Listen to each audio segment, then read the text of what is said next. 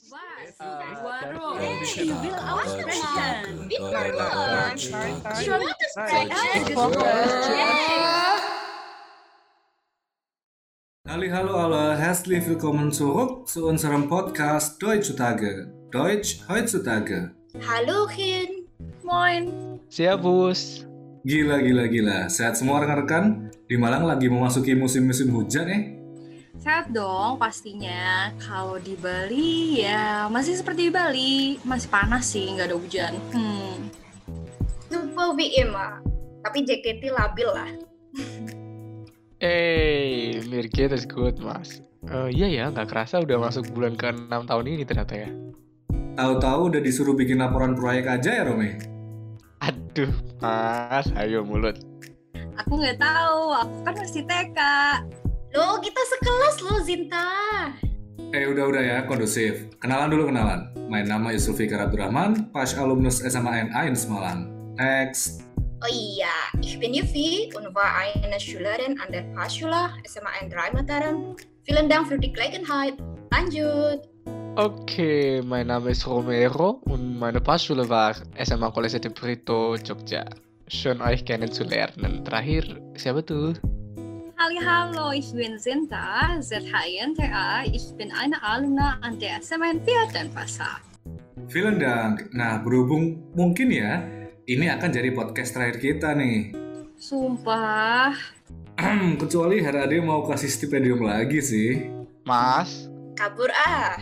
Eh, bercanda ya Herade. Oke, mending kita sekarang bahas topik-topik yang ringan-ringan aja ya, yaitu mengenai PAS secara umum. Monggo, Samuan kasih em, penyegaran kembali mengenai apa itu PAS. Aku aku. Oh, disclaimer dulu tapi. Nah, jadi terkait PAS ini kita pernah bahas di podcast yang pertama ya. Jadi buat kalian yang baru join, jangan lupa dengerin loh. Nah, PAS itu singkatan dari Schulen, Partner der Zukunft atau bahasa Inggrisnya School Partner for the Future. Yang singkatnya adalah inisiatif berupa network sekolah-sekolah di dunia yang punya hubungan dengan Jerman. Nah, gitu. Oh iya Mbak Yufi, kadang nih teman-teman tuh juga sering bingung antara PAS sama Goethe Institut. Intinya tuh gini, Goethe Institut itu berperan salah satunya untuk membantu dan membina sekolah PAS dalam pengadaan atau perluasan mata pelajaran bahasa Jerman. Jadi, Goethe Institut bukan hanya lembaga kursus, teman-teman. Eh, eh, tapi kalian tahu nggak sih ada berapa jumlah sekolah PAS di Indonesia sekarang? Kalau dulu tuh ya, aku taunya ada 28. Tapi ternyata nambah lagi satu loh, jadi sekarang udah ada 29 sekolah PAS. Nah, kita itu nambah satu adik baru dari SMAK Veteran Maumere, kalau nggak salah di tahun 2018 deh. Herzlich willkommen ya. Wah, serius? Semoga keluarga besar PAS Indonesia bisa bertambah besar lagi ya ke depannya. Eh, ngomongin em, sekolah PAS nih, benefit seperti apa yang dulu teman-teman dapat? Wah, boleh mulai dari aku ya, Mas? Monggo, Rome. Oke, eh, kalau boleh jujur, pastinya banyak banget benefit yang kita dapat, khususnya mengenai pengembangan diri. Nah, bisa dibayangin coba teman-teman, kalau kita kursus di luar tuh harganya ya tahulah gila kan ya. Belum biaya ujiannya kalau teman-teman ikut ujian. Nah, kalau pas zamanku nih, aku dapat banyak waktu tambahan untuk bisa belajar bahasa Jerman sama guru-guru di sekolah, di luar jam pelajaran utama gitu. Jadi bisa nambah-nambah lah. Wah iya bener banget tuh Rome. Kalau misalkan ngomongin masalah uang Itu kan emang masalah universal ya. Nah kalau terkait biaya ujian Aku tuh dulu cuma bayar biaya sertifikat juga loh. Kalau misalkan misalnya nih sekarang Aku pasti bakal ragu deh untuk disuruh ambil ujian Kalau emang persiapannya belum matang kalau emang bisa perform maksimal ya it's okay lah ya. Tapi kalau ternyata cuma sekedar coba-coba aduh sayang banget deh Istimetu. Tapi jangan lupain satu hal yang paling penting Nero sama Zinta, yaitu kesempatan buat ikut Jugendkurs atau kursus remaja di Jerman tentunya. Wah, sekalian promosi podcast kedua kita ya, Mbak. Iya, bener banget. Di podcast kita sebelumnya sudah dibahas panjang kali lebar tentang pengalaman kita semasa ikut Jugendkurs. Mampir ya pendengar sekalian. Ah, anyway, ah, ini jadi salah satu daya tarik sekolah pas ya menurutku. Gimana kita nggak hanya belajar mulu dari buku, tapi juga ada kesempatan untuk mengenal budaya Jerman, benar-benar secara langsung loh. Yukunya Mbak Yufi dulu dapetnya juga dari lomba eksklusif buat sekolah pas kan ya? Genau Mero, dan gak cuma lomba seperti Winter Kurs aja, tapi ada juga program sama pelatihan-pelatihan lain. Aku dulu juga sempat ikut workshop Radio Yo sama Solar Academy pas SMA. Dan itu asik banget. Sesuai namanya ya, kalau Radio Yo itu kegiatannya membuat liputan radio sendiri. Nah, kalau Schuler Academy pas itu tuh ada tiga kegiatan secara paralel, yaitu komik, musik, dan film. Nah, aku di bagian filmnya kegiatannya auf Deutsch ya tentunya. Nah, di sini kita bisa langsung praktek bahasa Jerman yang kita pelajari di sekolah. Karena referent atau mentornya itu asli native Jerman. Oh iya, kayaknya waktu itu Zul pernah cerita deh kalau misalkan temennya ada yang ikut pelatihan buat bikin software pembelajaran bahasa Jerman gitu yang berbasis Android. Aduh, jadi kangen SMA nggak sih? Oh iya, itu nama eventnya Magis Camp. Yang ikut teman seangkatanku juga, namanya Rian Sapta.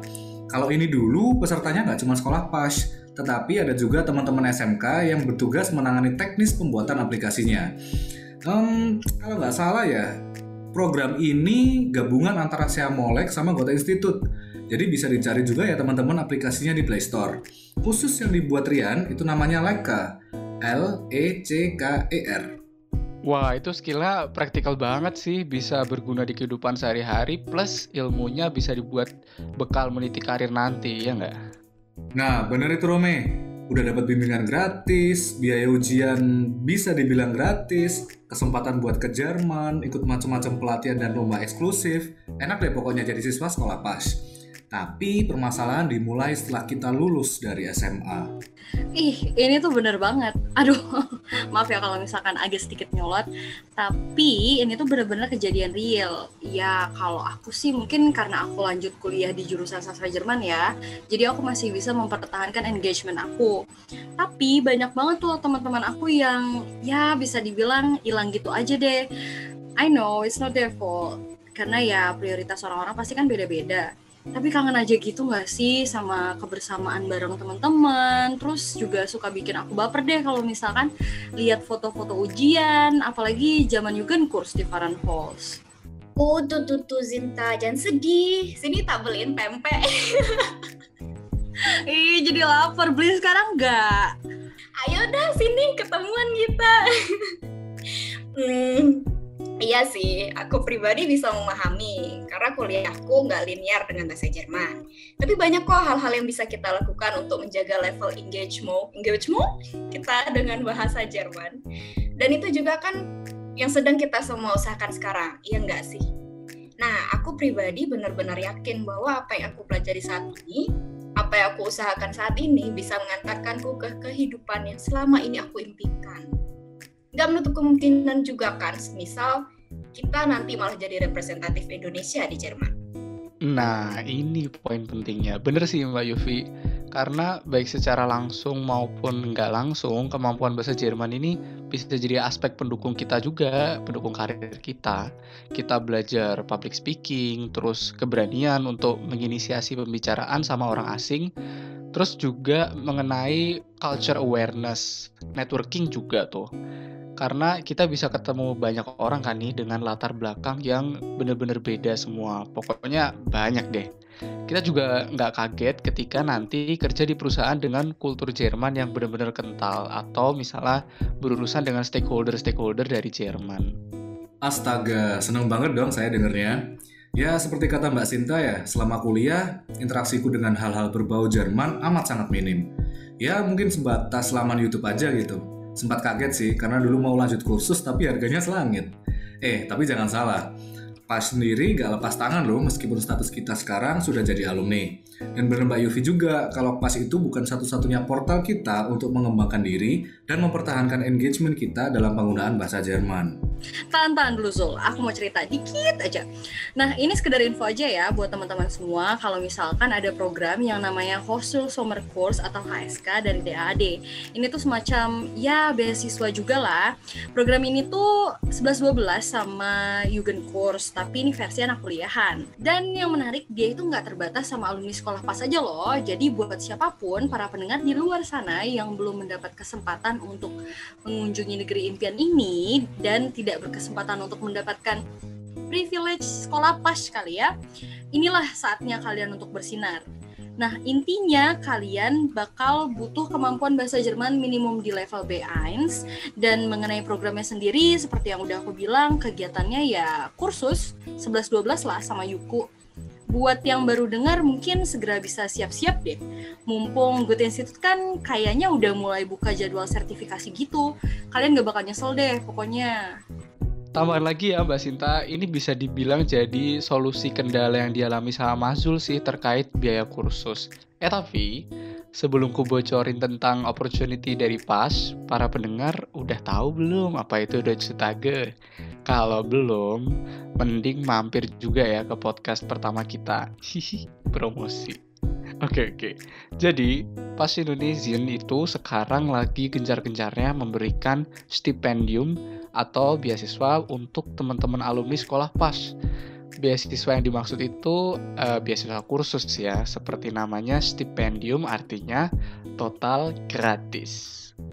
Eits, sekilas info Mero. Yang dimaksud alumni sekolah PAS ini bukan hanya yang dulu aktif di ekskul bahasa Jerman, program intensif PAS atau program sertifikasi ya, melainkan setiap individu yang ada di sekolah PAS. Jadi siapa pun yang bersekolah di PAS itu boleh ikut, tapi ingat harus memenuhi syarat-syarat stipendium dulu ya pastinya. Nah, bener Mbak Yuvi. Um, kita dulu syarat nivonya minimal apa ya? Udah lupa. Uh, correct me if I'm wrong, aber ich glaube minimal ada niveau B1 waktu Einstufungtest. Ya, semoga aja nanti ada program buat niveau di bawahnya lah. Plus stipendium buat ujiannya juga. eh, kok Saka dasar manusia? Iya nih, dikasih hati minta paha. Eh, kok paha sih? Siapa yang nulis? anyway, aku sampai di sini lagi nih bahwa alumni yang udah memenuhi syarat-syarat yang ada diminta untuk membuat proyek yang ditujukan buat adik-adik siswa aktif PAS nih. Nanti kalau proyek kalian di-approve, maka proyek tersebut akan berjalan seiring dengan beasiswa kursus yang teman-teman terima nanti. Kurang jelas? Kurang jelas? Makanya mampir dulu ke podcast pertama Deutsche Tage promo. Sama stay tune di portal sosial media PAS Indonesia ya. Salah satunya ada di Instagram @pashier P A S C H I E R T dan um, teman-teman juga bisa lihat referensi dari proyek-proyek yang telah dijalankan sebelumnya.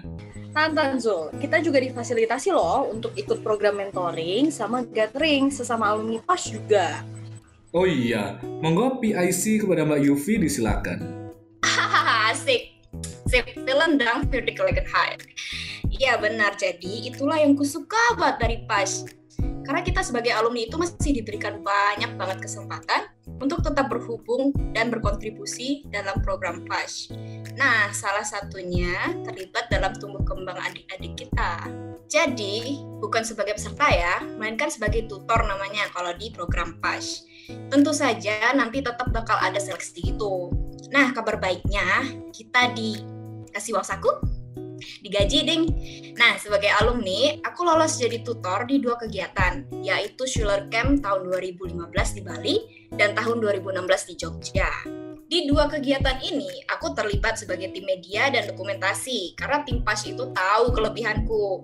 Apalagi bisa dilihat dari workshop yang sebelumnya, udah aku sebut tadi ya, yang Radio Yo dan Schuler Academy, ikutnya terkait broadcast dan media semua. Kapan lagi ya bisa main-main sambil digaji? Uh. Astaga, cuan cuan cuan mantap. Oh iya mbak, dulu juga ada open tutor gitu buat kegiatan Solar Camp juga kalau nggak salah. Tapi tahun 2017 di Batu Malang. Dan salah satu tutornya itu teman seangkatan saya kebetulan, namanya Bianda. Dulu um, sayangnya saya nggak daftar karena ada praktikum. Ya, coba deh di kesempatan selanjutnya aja Zul. Padahal seru banget loh, kita bisa lihat nih sekarang tingkah laku kita dulu pas jadi bocah SMA ya. Nah, pesertanya tuh nggak cuma dari Indo aja, bisa sekalian networking gitu. Oh iya nih, saat ini nih lagi diadain juga PASH Conferencean loh, di mana alumni sekolah PASH dari Asia Tenggara, Australia, dan New Zealand itu berkumpul membahas dan mendiskusikan project management. Nah, tahun ini tuh lebih fleksibel karena diadakan secara online. Kalau pas aku di tahun 2017 itu secara offline di Jakarta. Seru banget. Nah, walaupun yang tahun ini online, aku yakin pasti seru juga. Karena gak diraguin lagi sih, acara pas itu selalu keren. Beuh. Iya nih, sayang banget. Aku juga belum kesampaian buat ikut konferensan. Sekalinya ada conference dan pengen sekalian jalan-jalan, ya sayang banget virtual kegiatannya. Semoga pandemi cepat selesai deh, please cepetan. Wah, tunggu next time ya Mbak Sinta. Pasca pandemi pasti bakal banyak lagi acara yang keren-keren, terutama buat alumni. Sekarang aja nih udah ada lomba video yang hadiahnya jalan-jalan 5 hari ke Jerman dong. Oh, cek euer engagement yang aksi sosial itu nggak sih? Gas Mero, gunakan skill editingmu nak. Ayo Romi, keluarkan semangat tak bisa dikalahkan. Aku percaya du kannst es schaffen. Wow, semangat selalu buat kita semua. Yos, tai tai tai. Oke oke, pertanyaan terakhir. Apa sih harapan teman-teman? Hmm, mendadak serius ya? Baiklah, aku sih berharap agar program stipendium atau kursus online ini tuh menjadi program tetap dari PASH. Karena jujur banget nih, minat alumni tuh sebenarnya gede banget. Andai kata program ini tuh benar-benar jadi program tetap, pastinya retensi alumni bakal naik sih. Aku pribadi sih percaya ya kalau sebenarnya tuh banyak alumni yang ingin berkontribusi untuk perkembangan adik-adik siswa aktif dan juga pas Indonesia ke depannya. Terlepas dari kesibukan yang sedang mereka hadapi sekarang. Misalnya aja ya kayak aku dan pembelajaran Jerman yang aku ikuti saat ini tuh layaknya udah kayak hiburan gitu deh, semacam my kind of escape from reality gitu deh. Istimewa Sintacu. Tambah dari aku. Teman-teman alumni jangan pernah menyerah. Ingat ya teman-teman semua, segala hal itu terjadi karena adanya alasan. Ya mungkin belum kita ketahui sekarang. Kalau emang kalian masih pengen engage, gimana Robe? Engage mau? Ayo kita kejar. Nah, buat adik-adik siswa aktif, aku tahu kok kalau rasanya berat banget belajar di kondisi ini. Tapi ingat bahwa nggak ada hal yang sia-sia kok di hidup ini. Sekali lagi, mungkin kalian belum tahu apa yang akan terjadi di masa depan. Tapi jangan jadikan ketidaktahuan itu sebuah alasan untuk tidak melangkah ya.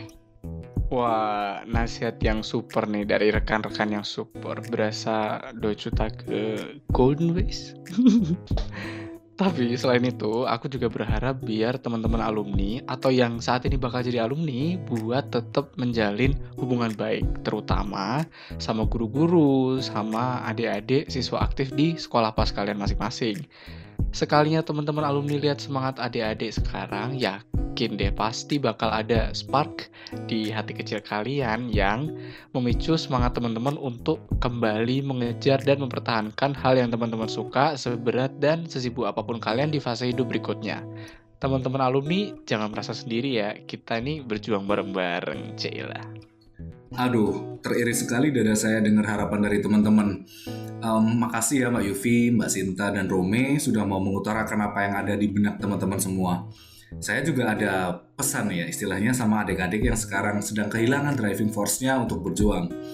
Ini mungkin klise ya, tapi jangan jadikan Juku sebagai tujuan akhir kalian belajar bahasa Jerman.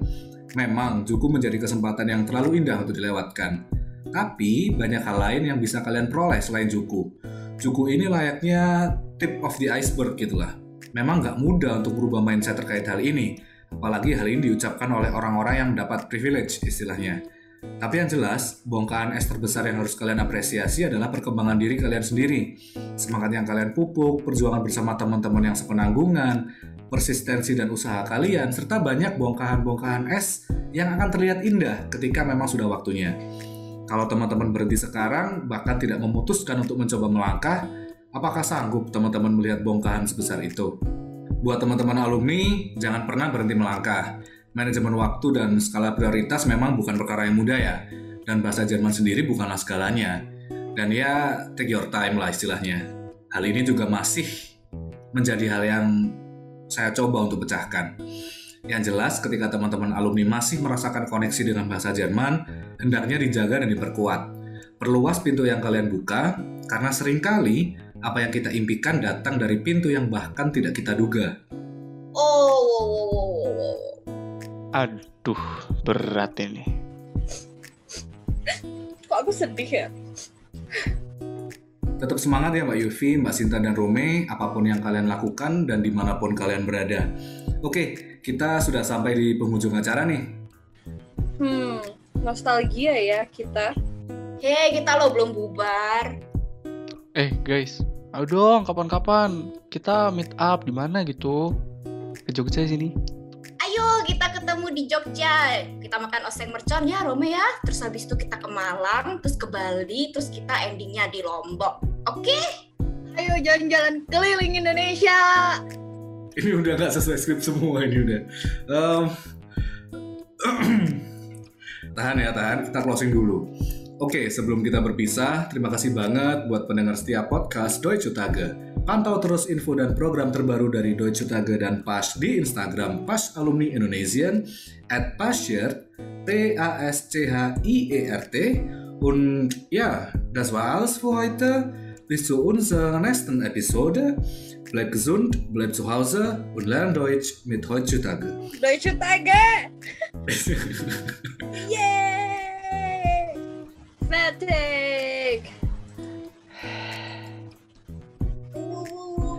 Kita lihat galeri di sebelah bawah.